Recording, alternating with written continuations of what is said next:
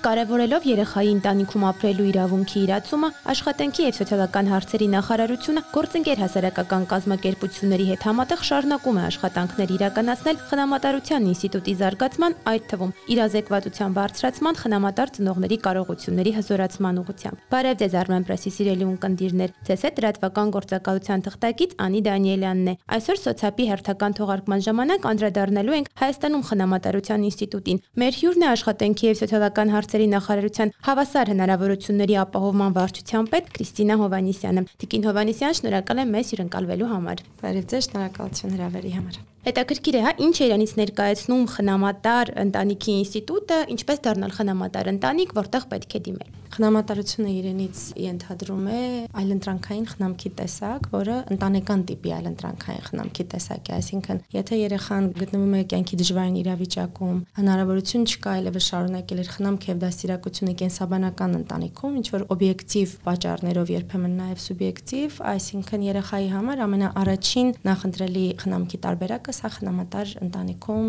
խնամքը կազմակերպելու տարբերակն է։ Այ եթե ուզում ես դառնալ խնամատար ընտանիք, որտեղ պետք է դիմել, ինչպես է այդ գործընթացն իրականացվում։ Խնամատար ծնող դառնալ ցանկացող անձը, որովհետև մենք անձին էլ ենք դիտարկում խնամատար ընտանիք, այսպես ասած, անձը, որը ցանկանում է դառնալ խնամատար եւ իրականացնել խնամատարություն, նախ եւ առաջ պետք է դիմի իր բնակության վայրի, իր տարածքի մարզպետարան, Երևանի դեպքում Երևանի քաղաքապետարան։ Երբ որ դիմումը կընդունվի համապատասխան փաստաթղթերով եւ գնահատումը կիրականացվի, արդեն բոլոր պահանջներին բավարարելու պարագայում շատ չեն պահանջները խիստ այդպիսի բաներ չկան, բայց հաշվի առնելով որ երեխայի խնամքի մասին է խոսքը եւ առհասարակ երեխայի մասին է խոսքը, իհարկե պետք է լինեն որոշակի ստուգումներ, որոշակի գնահատումներ հասկանալու համար արդյոք այդ անձը համապատասխանում է այն չափանիշներին, որը որ սահմանել է պետությունը։ Նախ եւ առաջ առաջին քայլը մարզպետարան Երևանի դեպքում Երևանի քաղաքապետարան դիմելն է, որից հետո որոշակի ժամկետ հետո արդեն անձը կծանուցվի, որ այո, դուք համապատասխանում եք պահանջներին, կարող եք դառնալ խնամատար ծնող եւ իր փաստաթղթերն արդեն ուղարկվում է աշխատանքի եւ սոցիալական հարցերի նախարարություն, հիմք ընդունելով այն հանգամանքը, որ այս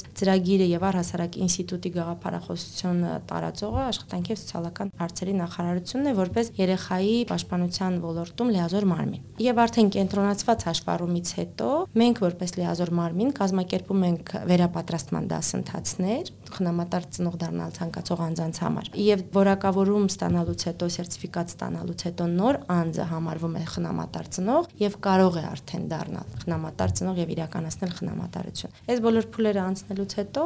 համադրում է կատարվում համապատասխանաբար մարզպետարանում, այսինքն մարզպետարանը ունի բազմամասնագիտական թիմ Երևանի դեպքում Երևանի քաղաքապետարանը։ Բազմամասնագիտական թիմն արդեն որոշում է թե տվյալ երեխայի համար ինչպիսի ընտանիք պետք է ընտրել։ Սա մի քիչ ավելի երկար բացատրեցի, բայց process-ը բավականին ճկուն է եւ իհարկե միտված է երեխայի լավագույն շահը ապահովելու։ Հաշվի առնելով, որ երեխայի իրավունքներից կամ, այսպես ասեմ, երեխայի հիմնարար իրավունքներից մեկը ընտանիքում ապրելու իրավունքն է։ Այ ունեք հիճակագրություն, թե այս պահին խնամատար ընտանիքներում քանի երեխա է խնամք եւ դաստիարակություն ստանում։ Վստահաբար ունենք, որտեղ ինչպես արդեն նշեցի, որպես ոլորտում լիազոր մարմին եւ որպես կարող ենք ասել այս ծրագրի միջոցառման պատասխանատու, քանի որ ֆինանսավորումն իր իրականացվում է աշխատանքի սոցիալական հարցերի նախարարության բյուջեի միջոցների հաշվին, պետական բյուջեի միջոցների հաշվին։ Ուրեմն այս պահին 93 երեխաներ խնամվում են 61 ընտանիքներում եւ նաեւ շատ կարեւոր է նշել, որ բացի ընդհանուր խնամատարությունից, այսինքն որը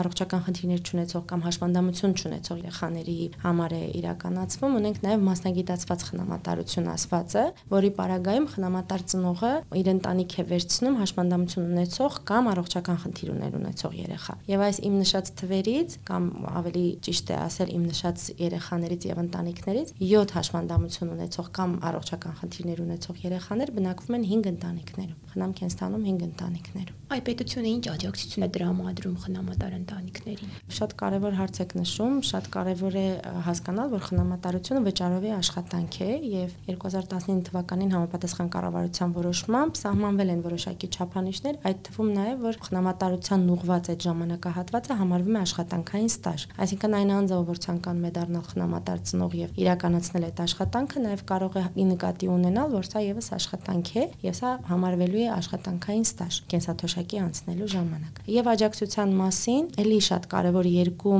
առանձին վճարներ են իրականացվում։ Մի պարագայում անձին որպես խնամատարություն իրականացնող, այսինքն աշխատանքն իրականացնելու համար նվազագույն աշխատավարձի չափով, եւ մյուս պարագայում երեխայի խնամքը կազմակերպելու համար։ Եվ այս ամբողջ գումարը ընդհանուր կազմում է շուրջ 130 հազար դրամ։ Այսինքն խնամատարություն իրականացնող անձը ինքը գիտի, որ ինքը ստանում է աշխատավարձ մի կողմից եւ մյուս կողմից գումար կամ վճար երեխայի խնամքը կազմակերպելու համար։ Սրանք շատ կարևոր երկու ֆինանսական, այսպես ասած, առանձնացումներ են, չնայած վճարումը կատարվում է մեկ ամբողջ տեսքով, բայց անձը գիտի, որ մի մասը իր աշխատավարձն է, մի մասը երեխայի համար որոշակի ծախսեր կատարելու համար է։ Իսկ եթե խոսում ենք մասնագիտացված խնամատարության մասին, ինչի մասին նոր ես ասեցի, գումարը խնամքի համար 30% ավել է ստացվում։ Այսինքն որոշակի տարբերակում դրվում է։ Այ հետաքրքիր է, խնամատար ընտանիք, խնամատար ծնող դառնալու համար ավելի շատ մարզերից են դիմում թե Երևանից։ Տեսեք, այսպեսի տարբերակում առանձնացնել չեմ կարող, ես կարող եմ առանձնացնել ավելի ակտիվ որտեղից են դիմում։ Դիմում են համարյա բոլոր տեղերից, ցավոք սրտի այս պահին ճունենք միայն Վայոց ձորի մարզից, որ դիմում են, այսինքն առասարակ ճունենք ոչ խնամատար ընտանիքներ, խնամատար ծնողներ եւ ոչ էլ անձինք, ովքեր հետաքրքրված են եւ այս ուղղությամբ մեծ աշխատանքներ են իրականացնում մեր գործընկեր կազմակերպության հետ, բայց ավելի ակտիվ են խնամատար ծառայություն իրականացնում Լոռու մարզում եւ Երևանում։ Սա մեր վիճակագրության արդյունքում կարող եմ ասել։ Շիրակի մարզում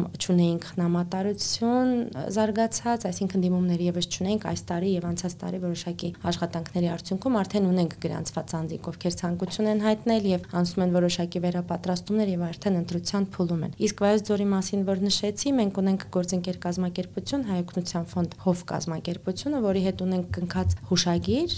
նկատնում եմ աշխատանքի եւ սոցիալական հարցերի նախարարությունը ունի ուշագիր հոֆի հետ, որի շրջանակներում իրենք մեզ օգնում են ավելի իրազեկման աշխատանքներ իրականացնել, ավելի պոտենցիալ խնամատար ծնողներին ներկայացնել ինչ ասել է խնամատարություն, առավելությունները, դժվարությունները եւ բացի իրազեկման աշխատանքները նաեւ մեր գործընկեր կազմակերպությունը օգնում է մեր արդեն իսկ խնամատարություն ստանձնած ծնողներին որոշակի մասնագիտական աջակցություն ցուցաբերելու, որովհետեւ այն դասընթացները, որոնք որ անցնում են խնամատար ծնողները, իրենք ավելի ինֆորմատիվ բնույթ են կրում, շատ կարեւոր են հասկանալու համար, որ երեխան, ովքեր հայտնվում է իրենց ընտանիքում, բնականաբար որոշակի դժվարությունների միջով է անցել, բնականաբար ճգնաժամային իրավիճակներ է ապրել եւ հնարավոր է ունենա որոշակի խնդիրներ, ինչպես հաղթահարել, ինչպես լուծել այդ հարցերը։ Բայց իհարկե այս դասընթացը սկիզբն է, որ պատկերացում է տալիս ծնողին, թե ինչպես հաղթահարել, ինչպես շփվել երեխայի հետ, առհասարակ ինչպես կապ հաստատել երեխայի հետ։ Իսկ ընթացիկ աջակցությունը արդեն այն կազմակերպությունը հոֆ, որի մասին ես արդեն խոսեցի, իրենք բավականին մեծ մասնագիտական աջակցություն են տալիս մեր ծնողներին եւ երեխաներին։ Այ հետաքրքիր է, հա խնամատար ընտանիքներ, ովքեր որ դառնում են։ Իրենց ընտանիքում կան էլի երեխաներ ու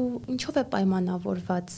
որ իրենք նորից էլի երեխա են ցանկանում ներգրավել իրենց ընտանիք, իրենց ընտանիքի անդամ դարձնել։ Տեսեք, դեպքերը բավականին տարբեր են եւ եթե այսպես առանձնահատուկ գնանք բոլոր դեպքերով, կտեսնեք, որ տարբեր մոտիվացիաներ կարող են լինել։ Մի պարագայում կան ծնողներ, ովքեր ունեն երեխաներ եւ ուզում են խնամատարության, որտեղ իրենց երեխաներն են խնդրել, լսել են, գիտեն կամ ուզում են քույր կամ ուզում են եղբայր եղբայր եւ խնդրել են, որ իրենց ծնողները, այսպես ասած, իրենց համար քույր եւ եղբայր ընտանիք բերեն։ Մյուս պարագայում կան անձիկ, ովքեր որ ճունեն երեխաներ եւ որոշել են կարծես թե այդտեղից սկսել, հասկանալ թե ինչ ասել է երեխա պահել ընտանիքում եւ առհասարակ եւ այսպես սերը կիսել կամ սերը տալ կամ այսպես ինչ որ բանով օգնել եւ փոխադարձ սեր ստանալ երեխայից։ Մի այսպիսի դեպքեր էլ կարող են լինել։ Նաեւ տարբեր շատ կարեւոր այսպիսի ձեռքբերումներ ունենք, որ ծնողներ, ովքեր որ արդեն խնամատար ծնողներ են, արդեն երկար տարիներ, օրինակ 3 երեխա, 2 երեխա, հենց խնամատարության ենթակա երեխաների խնդրանքով են շարունակում երեխա վերցնել խնամատարության։ Հիմա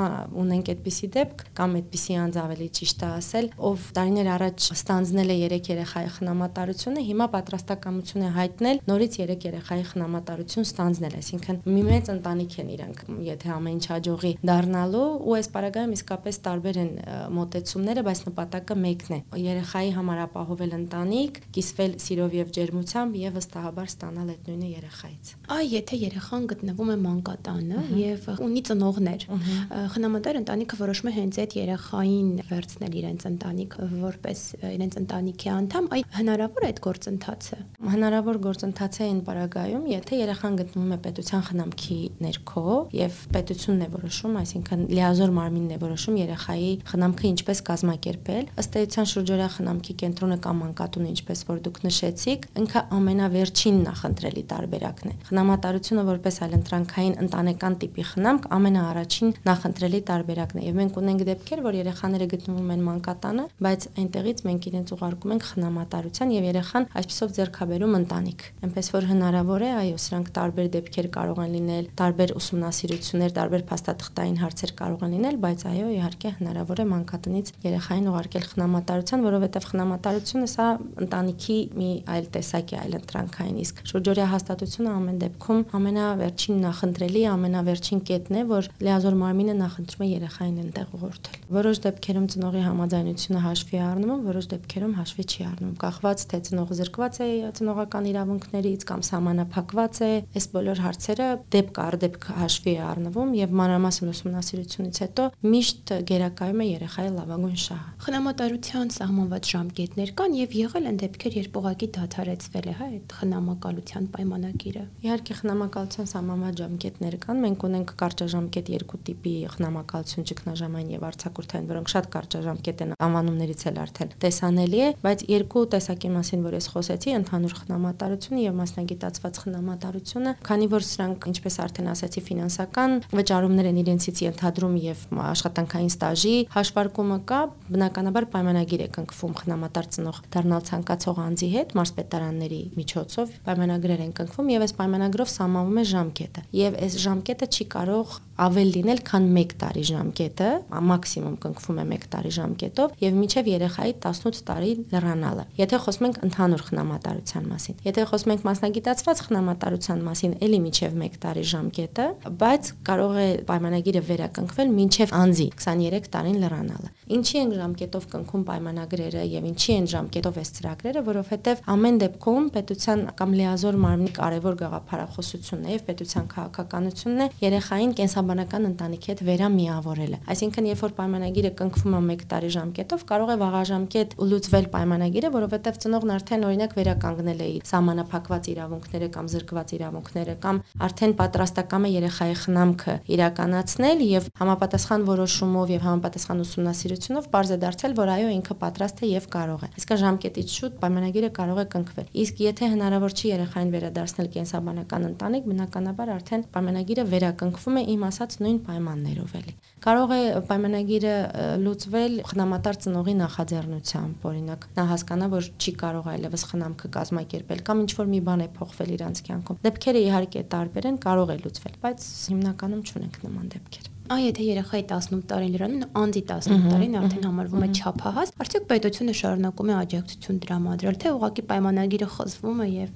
տեսեք, ինչպես ասացիք, անձի 18 տարին լրանում է, եթե նա ունի հաշմանդամություն կամ առողջական խնդիր եւ նա մասնագիտացված խնամատար ընտանիքում չէր, բնականաբար 18 տարեկանից հետո արդեն լուծվում է պայմանագիրը եւ անձը ուղղակի այդպիսի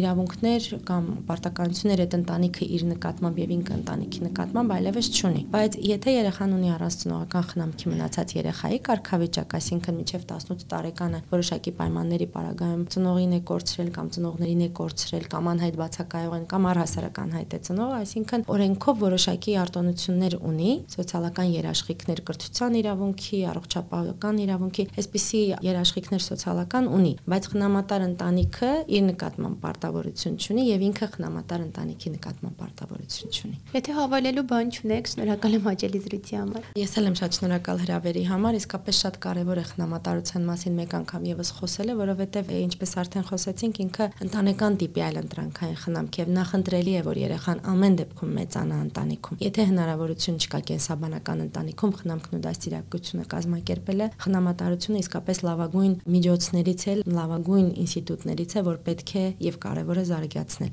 Այնպես որ կխնդրեի մեր բոլոր ակտիվ անձանց կամ անձանց, ովքեր որ երբևէ մտածել են ինչ որ մեկին դրական էմոցիա տալու եւ պատասխան ստանալու, ակտիվ լինել, մասնակցել կամ լսել հարցերի դեպքում զանգահարել, դիմել մարզպետարաններ, Երևանի դեպքում Երևանի քաղաքապետարան, գրանցվել եւ դառնալ խնամատար ծնող։ Շնորհակալություն։ Ես էլ եմ շնորհակալ։